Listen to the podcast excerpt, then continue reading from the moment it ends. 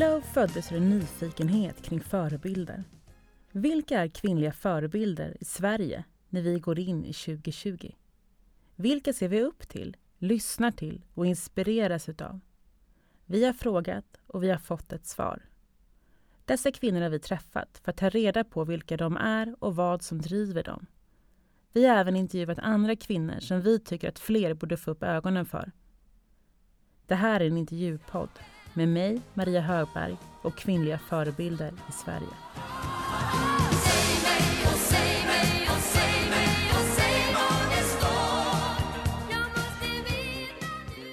Danica Kragic Jensfeldt är professor i datalogi vid Kungliga Tekniska Högskolan. Hon är en av landets ledande forskare och en stor förebild inom robotik, AI och maskininlärning. Danica studerar robotars sinnen och samspel med varandra. Hennes forskning handlar bland annat om att utveckla robotars förmåga att se och greppa saker. Forskning som är speciellt intressant för företag som utvecklar proteser och andra hjälpmedel för funktionshindrade. Hon har varit sommarvärd i P1 2016, tilldelats utmärkelsen Näringslivets mäktigaste kvinna år 2018. Idag är hon gäst i podden för att berätta mer om hennes syn på AIs utveckling och hur det kan leda till ett bättre och lättare liv för oss människor i framtiden. Vi hälsar henne varmt välkommen till podden.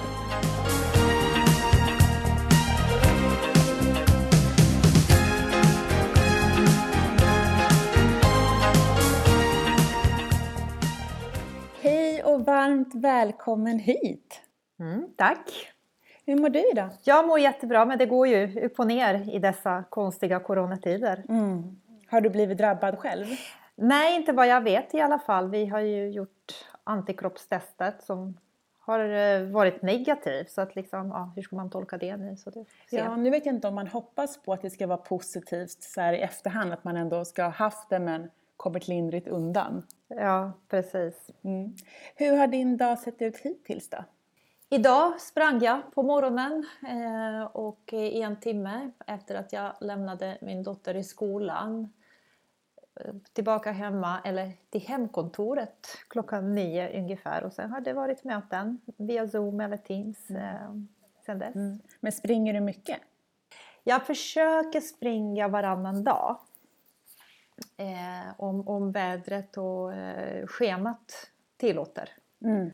Men jag gör inget annat brukar jag säga när det gäller kroppen så att eh, nu har det blivit att springa. Aha.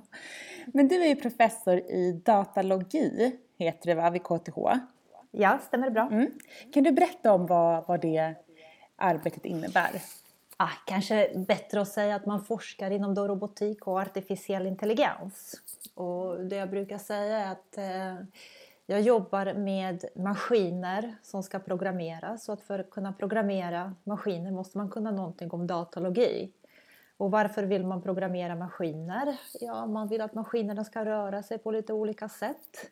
På samma sätt som vi människor använder hjärnan för att eh, röra vår kropp så använder vi datorer för att flytta robotarnas eh, kroppar.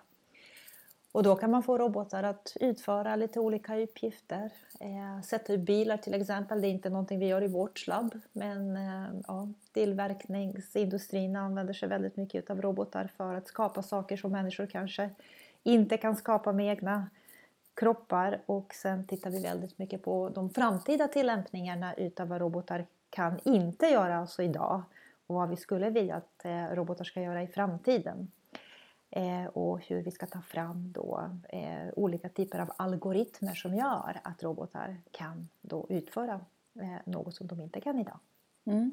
Men vad är det för um, robotar som vi använder redan idag som vi inte tänker att vi gör?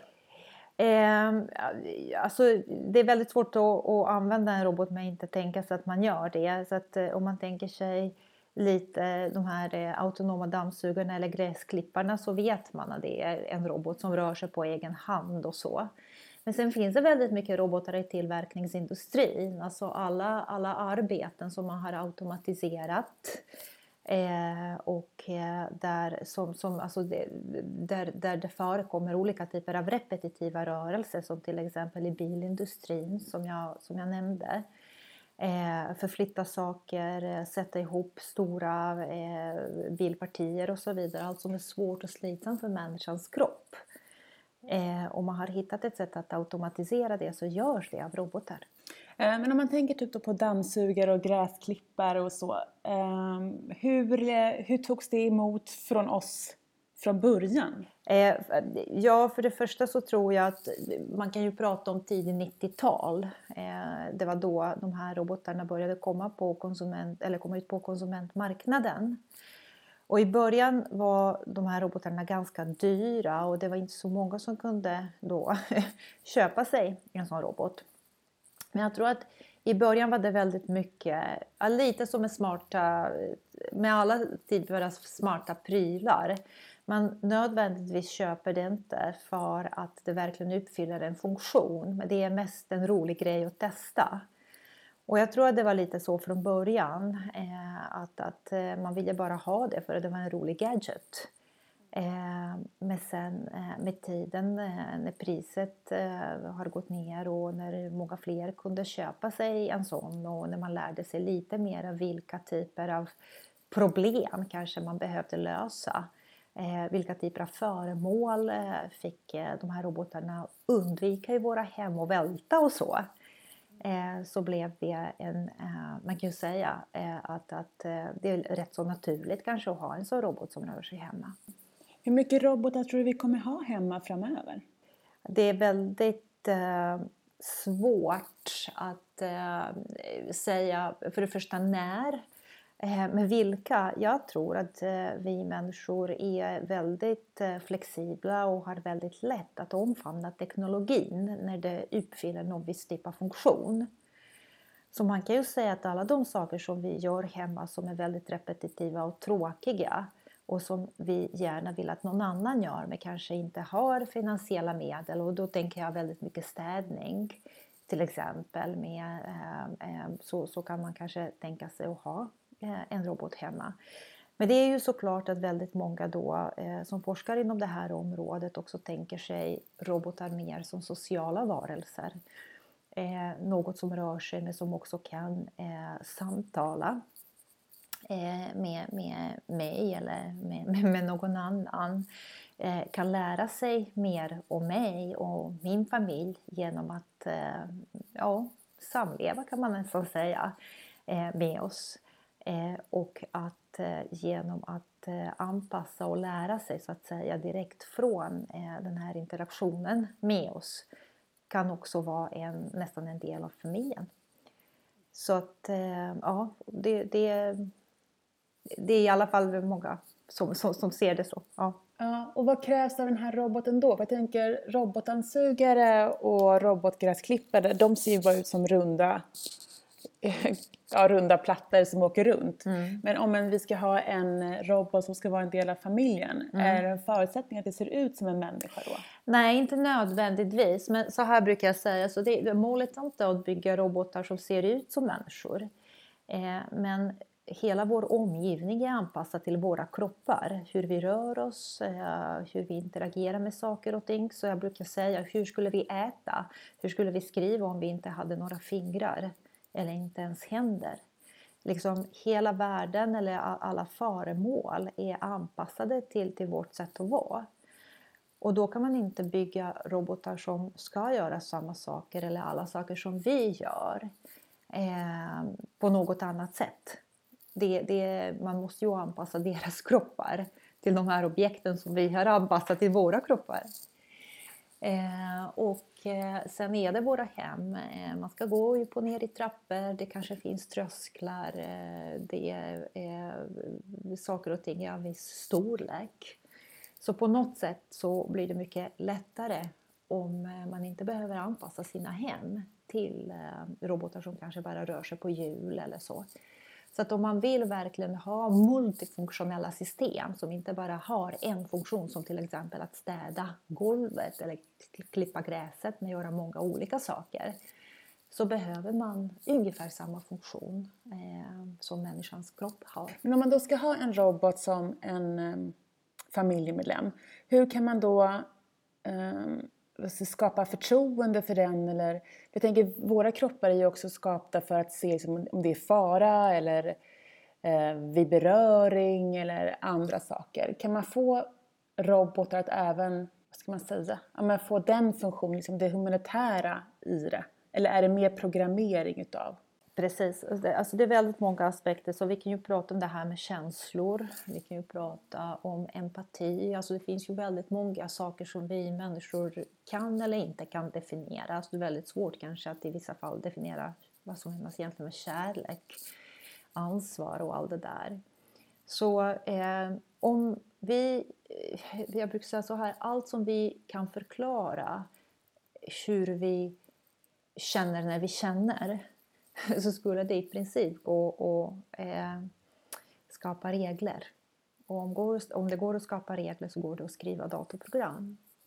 Problemet är att i väldigt många fall så, så finns det inte universella regler. Alltså vi känner inte alla likadant i samma situationer eller att vi definierar inte känslor på precis samma sätt. Vi är väldigt beroende av våra individuella erfarenheter, våra sociala cirklar och så vidare. Så att vi är alla lite olika. Och då är den stora frågan, även om man skulle kunna programmera robotar och eh, skapa vissa typer av ja, man kan säga, känslor. Det, det, är två aspekter där. Det första är kan vi som människor verkligen tro på att en maskin verkligen känner någonting? Lite filosofiska frågor. Eh, för det, det är också liksom lite så, sådana problem har vi också kanske mellan människor. Mm. Eh, några känner mer, några känner mindre. Ja, lite så. Och det, jag vill inte rota i det, för det, det, det, vi kan, bara om det kan vi prata i många timmar. Men det är också människans upplevelse. Eh, eh när någon säger eller när någon ber, alltså beter, det på, beter sig på, på ett visst sätt. Hur upplever vi, eller vår hjärna, det? Eh, eh, och vad, och vad som, som egentligen anses som, som en verklig känsla eller ja, verklig upplevelse. Och där, där tror jag är för människans hjärna, det är också en utmaning. Eh, hur vi är, saker på riktigt så att säga. Eh, hur vi blir eh, berörda av vissa situationer och så vidare. Och det, det, jag tror att alla de som spelar kanske spel eller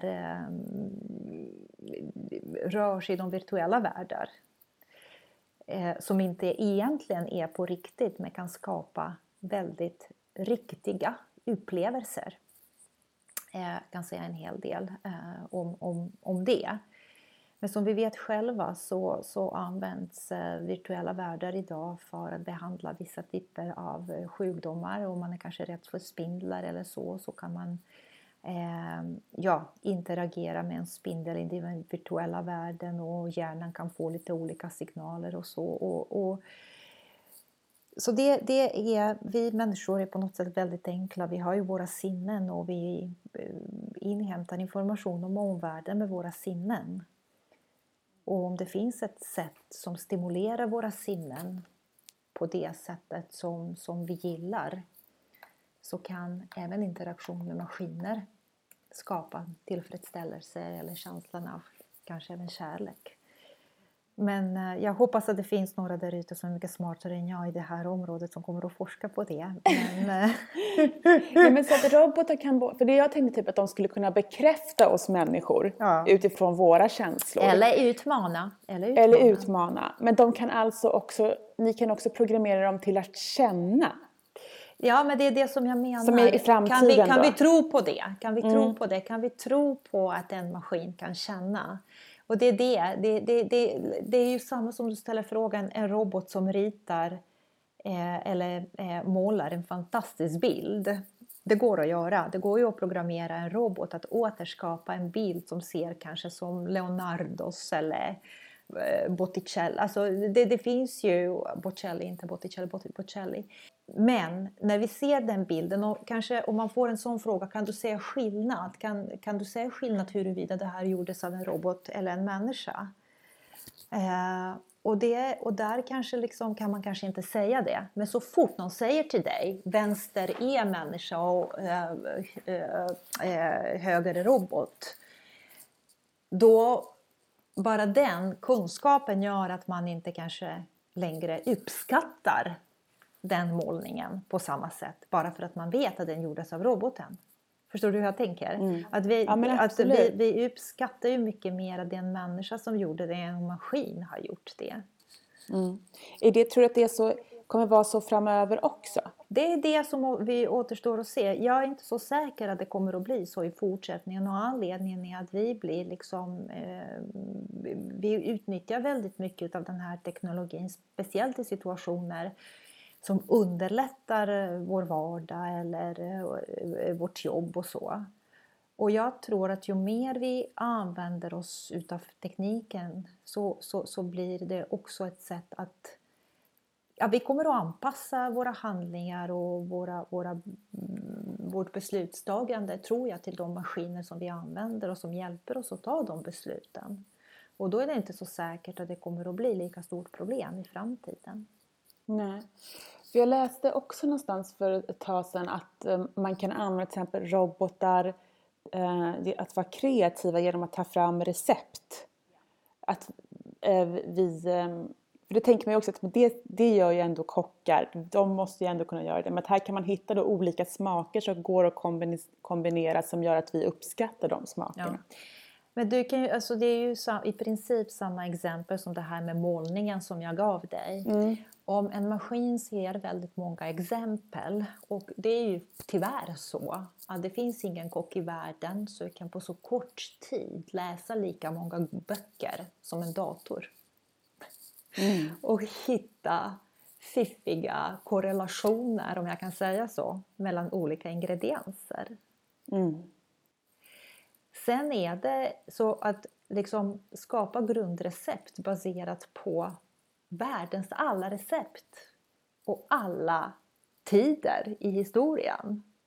Det finns ingen människa som kan göra det och det, det är lite det som vi också ser till exempel inom då eh, alltså hälsa, diagnostik. Att en maskin kan mycket lättare att titta på många fler bilder eh, och, och, skapa förslag som sen en människa kan titta på lite närmare.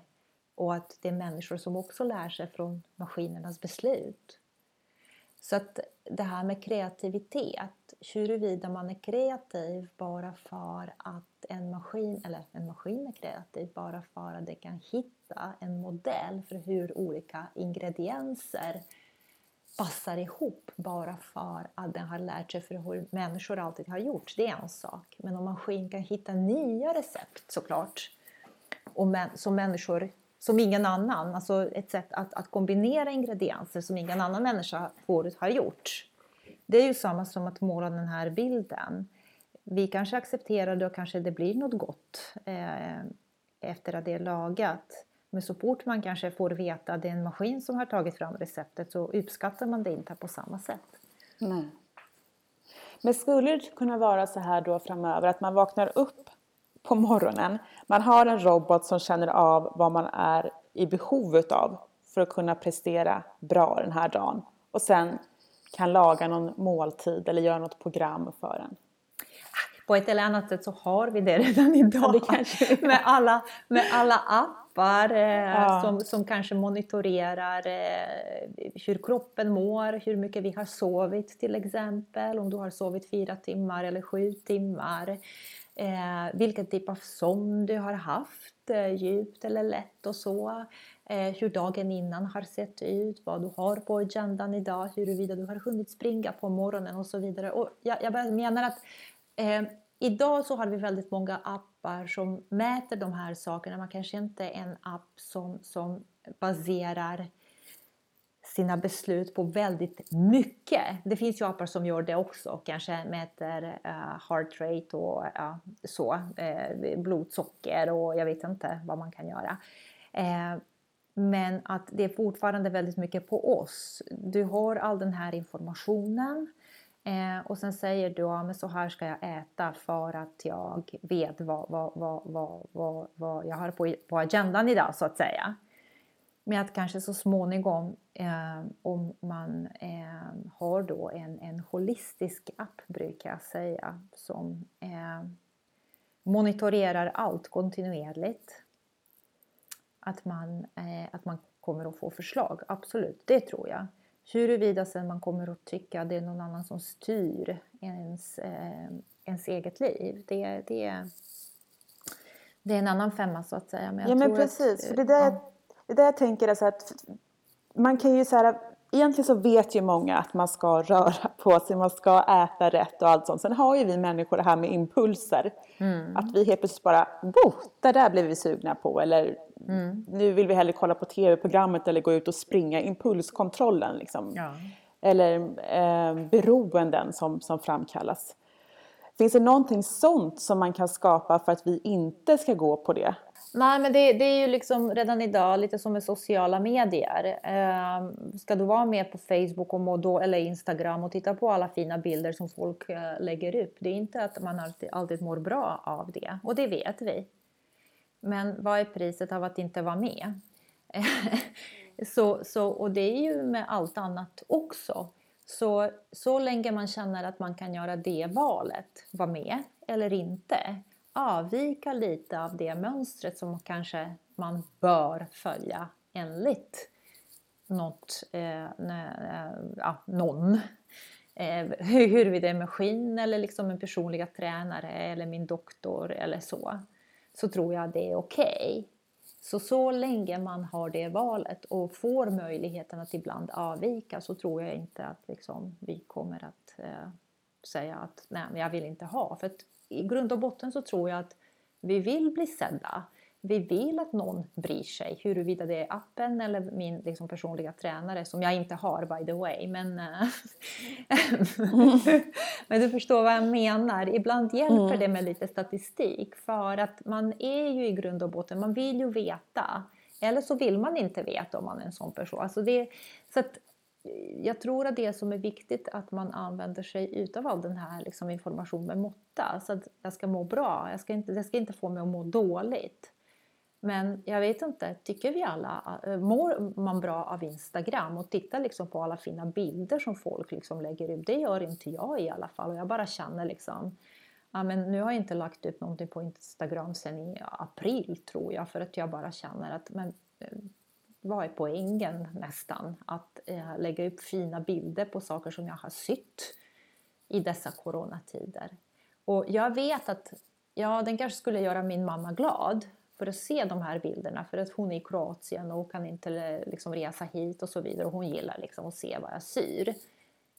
Men å andra sidan, de som inte hinner, som helt plötsligt liksom har, som vi, lite nästan dubbelt så mycket att göra, även om man jobbar hemifrån och ja, allt som, som kommer extra. Då blir man kanske lite stressad, men hur hinner Danny med liksom att sy i allt det här? Så det blir ju alltid lite så att eh, man kan inte skapa saker som alla mår bra av. Det tror inte jag på. Nej.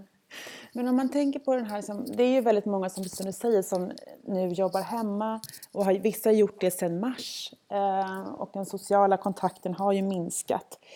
Om, om den här pandemin skulle komma, nu är det jättesvårt för dig, det här är bara rent hypotetiskt, men eh, om, om 20 år istället, när mm. vi kanske har en helt annan teknik i våra hem och kanske har de här robotarna och sånt, tror du att vi skulle påverkas på ett annat sätt då utav den isoleringen som vi har nu? Det där är väldigt svårt att säga för att eh, det är också, tror jag, väldigt individuellt. Eh, och det går ju upp och ner, som jag sa i början.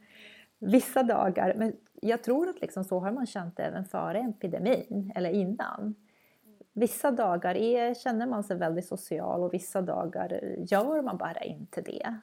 Ehm, det som jag tror är viktigt eh, är, att eh, inte ha det här liksom sociala on demand men att eh, helt enkelt orka vara flexibel så när saker och ting förändras. Som det, det, det blev lite det här med, med pandemin.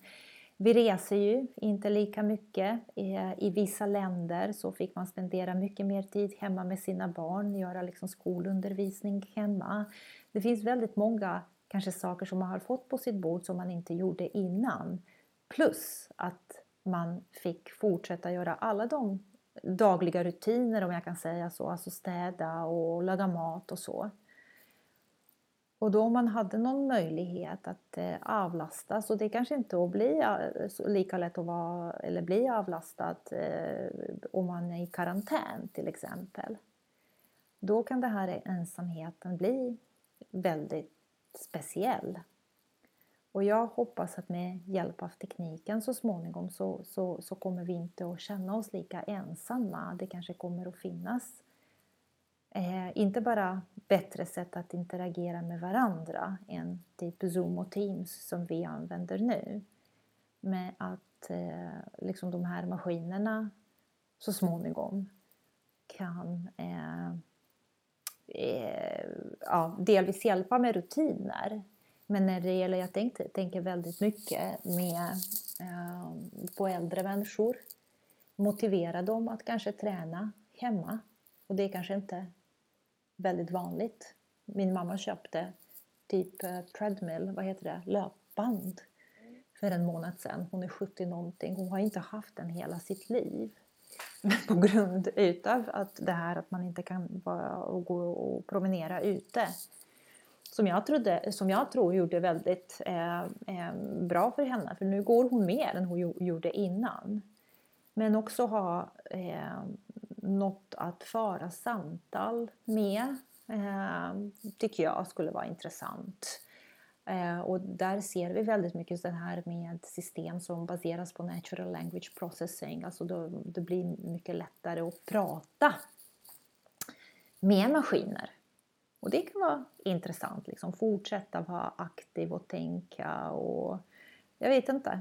Det finns ju... Ja. Precis, och det var ju det du var inne på förut med ja. utmana. Ställa frågor, eh, För, mm. kanske lära sig, fortsätta lära sig saker genom att man kanske inte behöver läsa med att man samtalar med en maskin och att maskinen ställer frågor och den, den är individanpassad och ja, alla möjliga saker. För det kan jag tänka mig att man har eh, i parrelationer eh, vilken nu liksom parrelationer eller relationer överhuvudtaget. Att ofta så hamnar man ju i likadana diskussioner och samma argument tas upp. Och någonstans så hamnar man i ett dödläge. Ja. Och det här tänker jag, det skulle ju vara fantastiskt om man då hade någon som bara slängde in en liten fråga. Som ja. bara... Nej men absolut och jag, jag, jag, tror att det är det. Det är därför jag säger, vi pratar lite om det där, en liksom robot i familjen som lär sig och så vidare. Och, och, och som, som eh, kan förstå sig och jag säger att liksom man har en eh, psykolog hemma hos sig vid middagsbordet men man kan ju tänka sig att eh, det, kan, det kan bli lite så. Någon som har lite mer eh, objektiv bild och som inte behöver uppnå eller liksom få alltid rätt och du vet. Ja. Mm. Men då tänker jag, hur mycket forskar ni på eh, i samband med att ni tar fram eh, nya robotar och ny teknik? Hur mycket forskar ni liksom, eh, kopplar ni till människans hjärna? För det jag tänker att om robotar tar över vissa arbetsuppgifter eh, och man förlitar sig på att de ska eh, komma med de här sista argumenten och allt sånt. Vad händer med människans hjärna? Ja, eh, vad händer med människans hjärna? Jag tror att eh, det som är, som är viktigt eh, för... Eh, eh, så här jag tror inte det handlar så väldigt mycket om robotar, men redan nu eh, och med hjälp eh, av, av eh, våra mobiler så har vi förändrat det sättet som vi kanske lagrar information. Eh, att, att vi inte ens försöker memorera någons mobilnummer eller någon adress eller eh, tittar på liksom gamla alltså utskrivna kartor hur vi tar oss någonstans. För det finns ju liksom appar som gör det åt oss. Och det är ju såklart att allt det där påverkar hjärnan. Eh, I skolan kanske eh, använder vi oss mer och mer av, av eh, alltså iPads med de här visuella verktygen när barn lär sig matte. Och, och det är ett helt annat sätt att tänka. Men det är för tidigt att säga huruvida det är positivt eller negativt för människans hjärna. Det är bara annorlunda. Och det är ingen som kan säga att det blir dåligt. Det kan bli helt annat. Liksom. Vi vet ju att hittills eh, har människan i alla fall inte lyckats med att använda hjärnans fulla kapacitet. Det är väldigt mycket av hjärnan vi inte använder. Men tänk dig nu att med hjälp av tekniken hittar vi ett sätt att använda mer av hjärnans kapacitet helt plötsligt. Och många tror att det inte är så fallet. Men varför det? På vilka grunder?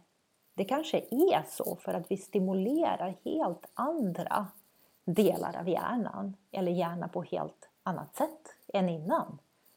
Så blir det kanske att vi, vi bara eh, blir bättre på att utnyttja vår hjärndator. Mm, genom att bli utmanade ja. utav robotar och den tekniken? Ja, alltså all teknik, mm. att vi all. tänker annorlunda och skapar eh, kunskap eller lagrar kunskap på, på helt annat sätt. Men eh, ja, vi vet ju också att det här med evolution och så, det går ju inte så snabbt. Det kommer ju att ta några hundra år tills vi vet och kan jämföra. Så att, uh, hold your horses säger jag bara och vänta och se.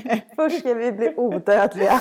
ja, ungefär så. Det kommer att hända kanske andra saker. Det finns ju liksom det här med eh, eh, något, vad ska man säga, viktiga miljöfrågor. Så frågan är vad, vad, vad, vad försvinner först? Människan eller ja, men precis, men kan man använda, är det någonting där som, som eh, vi kan se som en ljuspunkt när det gäller eh, teknologin kring mm. miljöfrågan?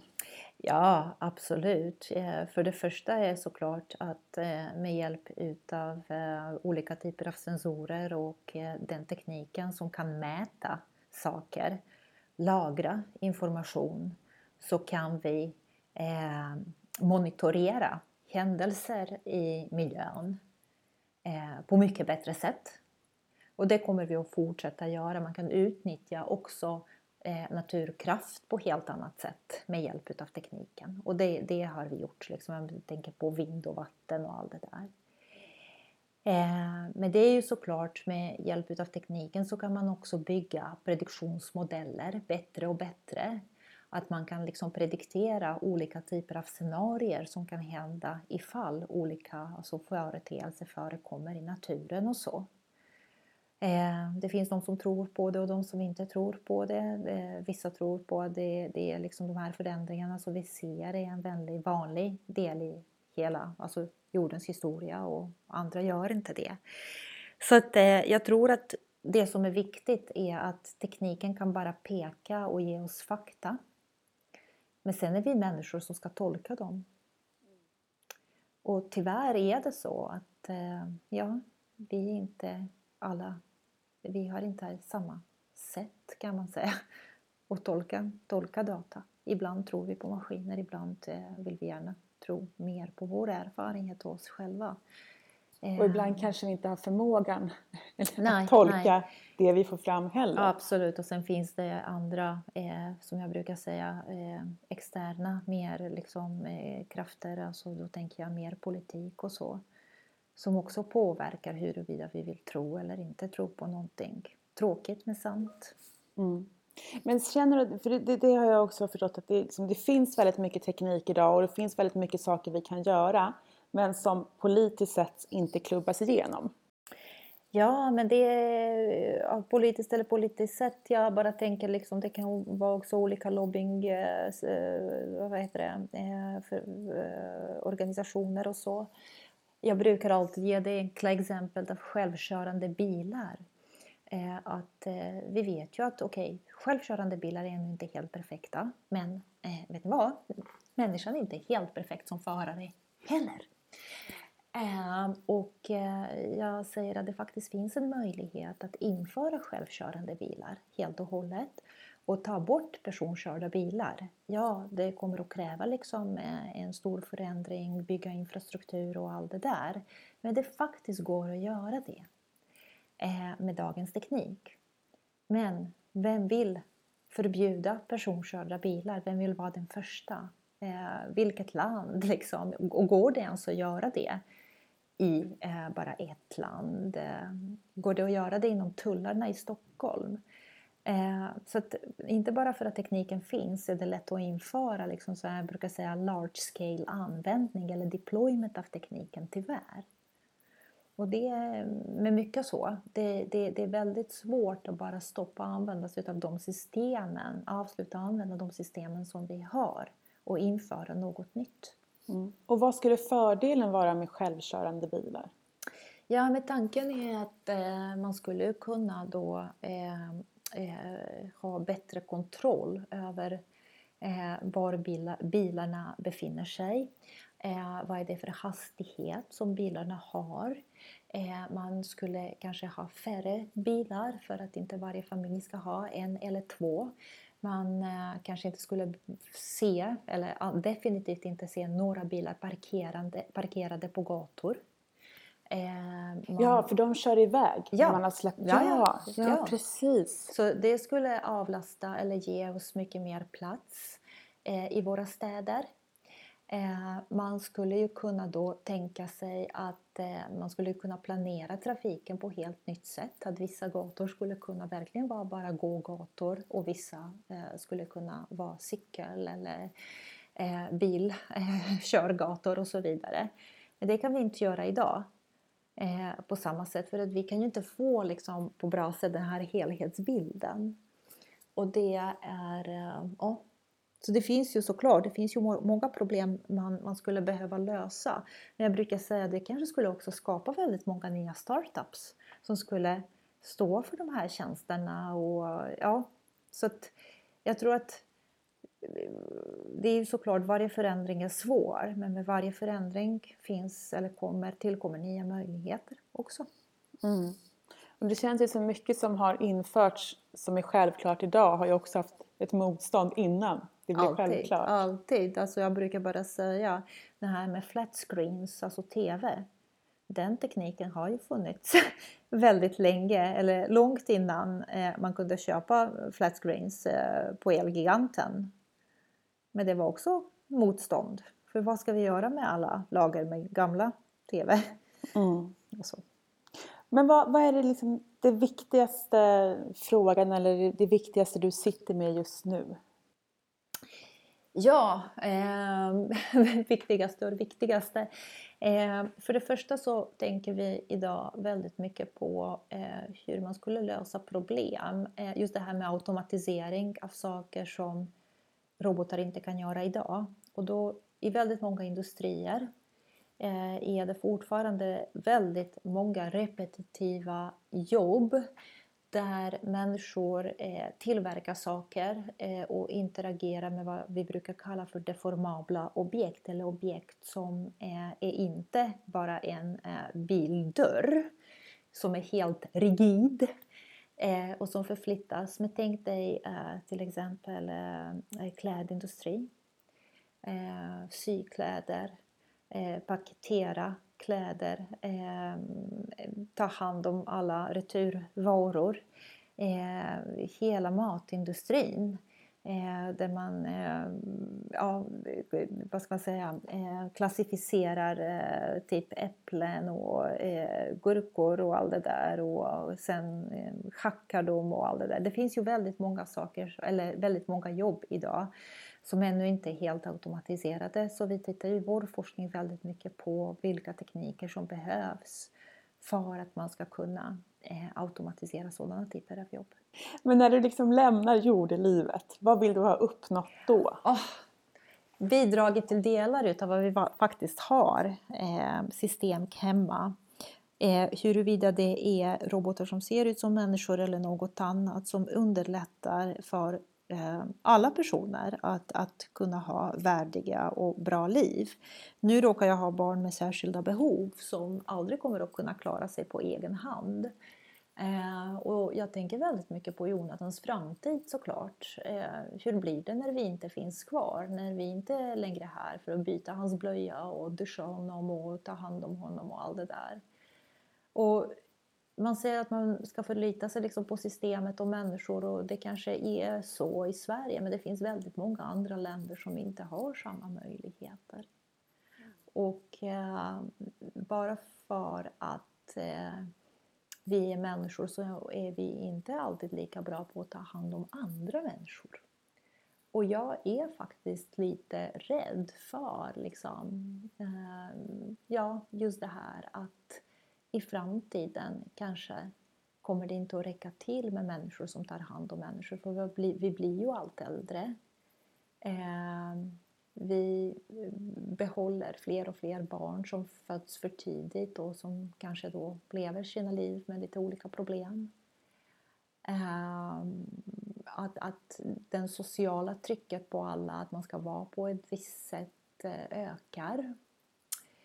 Eh, och att eh, då människor eh, blir kanske lite mer ensamma helt enkelt.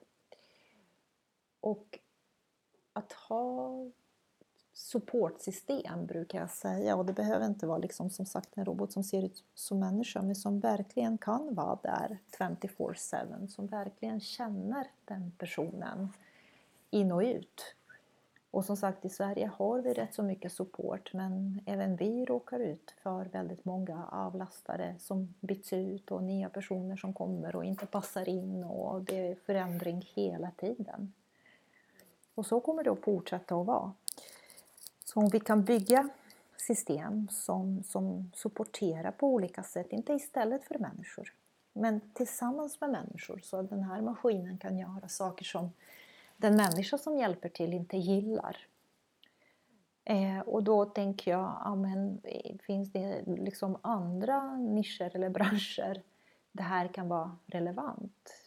Tänk på dagens situation där vi har eh, sjuksköterskor, de som jobbar på IVA som inte klarar helt enkelt och kommer inte att fortsätta liksom klara den här hösten nu. Eh, hur avlastar man när det inte finns människor som räcker? Då måste vi ju tänka på att eh, för, ja, hur vi kommer att ha covid-19 eller något liknande igen. Jag tror att sannolikheten för det är ganska hög, att det kommer att hända något liknande igen. Um, hur, hur liksom får vi de här människorna rätt hjälp? Och då tänker jag just nu väldigt mycket på just fysisk hjälp. Hjälpa att lyfta en människa eller vända en människa i sängen, byta sängkläder, duscha någon. Allt det här görs av människor idag. Och jag säger inte att det ska vara eh, maskiner istället för människor men jag bara tänker att liksom det kanske ska vara en människa och en maskin som samarbetar. Där människan gör de saker som människan är bra på och kanske pratar och lugnar ner personen, patienten och roboten tar i och lyfter så att människan inte får ont i ryggen och allt det där. Så att det finns ju väldigt många aspekter hur man kan tänka sig samarbete mellan människor och maskiner i framtiden. Men jag tänker också, nu vet inte jag riktigt om den här tanken är klar, men det som jag bara tänker eh, det, vi människor blir också programmerade egentligen under vår uppväxt genom eh, uppfostran och skola och det sammanhanget vi befinner oss i. Men sen så finns det ju barn som växer upp under förhållanden som inte är bra. Eh, jag tänker liksom när du pratar om, om din son så växer han ju upp under bra förhållanden men han behöver speciell hjälp. Eh, men de, som, de barn som inte har bra förebilder, där tänker jag ju liksom, kan man gen, genom eh, tekniken få dem på ett bra sätt att hamna rätt i samhället igen? Ja, tekniken allmänt eh, hoppas jag verkligen, men det är svårt det här med värderingar. För att eh, ja, jag bara tänker liksom skolans roll. Eh, det är ju såklart att eh, eh, tekniken skulle kunna underlätta för att berätta om olika situationer, ge exempel och så vidare. Att man helt enkelt får eh, en mer objektiv bild av vad som är rätt och vad som är fel. Ehm, men jag tror att problemet är att, eh, och det har tagits upp den här frågan, demokratisering av tekniken, att inte alla har samma förutsättningar när det gäller att komma i kontakt med tekniken. Och det är det som jag ser som ett litet problem. Eh, nu är det liksom den här, alltså det, det, är många som pratar om det, det är i samband med artificiell intelligens. Vem har tillgång till det? Vem kommer att kunna utnyttja det? Eh, kommer det att bli proprietärt eller så? Det är väldigt mycket utav hos forskare då som utvecklar saker som gör dem open source, alltså som vem som helst kan använda sig av teknikerna. Och det ser vi, liksom, det är en trend som förändras. Och det tror jag kommer att vara, behöva fortsätta vara så att man inte bara äger som företag men att man gör det och släpper det fritt för hela samhället. Och i och med att tekniken blir mindre och mindre och kostar eh, mindre och mindre kan man säga. Så det finns ju väldigt mycket saker som man kan göra idag med en dator eller med en padda eh, eller eh, till och med med sin telefon. Så att jag tror att det som är viktigt är att man skapar rätt eh, förutsättningar helt enkelt, eh, de som utvecklar tekniken, så att det blir eh, lätt och fritt att använda för så många som möjligt. Mm. Och där tänker jag bara då att de som utvecklar tekniken, finns det en mångfald där idag som du är tillfredsställd med? Vad ska man säga utifrån det perspektivet du har? Ja, eh, man kan ju tänka som sagt på, på kön men man kan ju också tänka på många andra olika saker. Och eh, akademin skulle jag vilja säga är ännu inte där vi har inte liksom en jämn fördelning eh, ja, oavsett liksom hur man tittar på mångfald, inte bara på, på gender, alltså att man tittar på, på allt. Eh, det finns ju då eh, eh, strömmar, om jag kan säga så, som vill gärna förändra det. Men man måste ju tänka på att alltså, det här tar tid. Det kan ta en, två generationer och så vidare. För man kan ju inte bara avskeda folk man har de man har så att säga och då är det viktigt att de som tänker annorlunda och som vill förändra hörs och syns. Och det är ständig kamp skulle jag vilja säga. Men det, är inte, det gäller inte bara akademin skulle jag vilja säga. Det, det gäller politik, det gäller Eh, ja, samhället skulle jag vilja, samhället i största allmänhet. Eh, men som sagt, det, eh, jag hoppas verkligen att med hjälp av tekniken det blir också lättare att på något sätt att förändra. att tekniken har ju inte åsikter om vem du är, var du kommer ifrån, vad du har för kön eller så om du vet eller kan använda dig av tekniken för att skapa nya typer av tjänster, produkter på ett bra hållbart sätt så kommer det att bli lättare i alla fall som ingång eh, att, att ja, förändra eller synas och sen förändra. Och jag tror att det är väldigt mycket av det vi ser idag att man behöver inte vara stor för att göra förändring. Men man behöver vara snabb. Mm. Mm. Ja, det är mycket som vi kan prata vidare om här. Jag ser att tiden bara liksom rusar iväg. Eh, men du är ju en riktig förebild inom det här ämnet och jag är så glad att du tog dig tid att berika oss lite med din kunskap.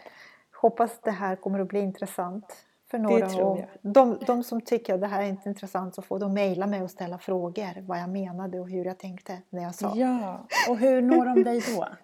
eh, ja, det är bara Danica Kragic på KTH. Det är, jag brukar säga det är så väldigt lätt, det är ingen annan som heter så i hela världen. Nej, unikt. Vad härligt. Men jag får önska dig en fantastisk eh, fortsatt dag och en trevlig helg. Ja, tack så väldigt mm. mycket. Jag önskar samma och till alla lyssnare också. Mm. Tack så mycket. Tack, tack. Det var allt från avsnittet med Danica. Hoppas ni får en riktigt fin dag.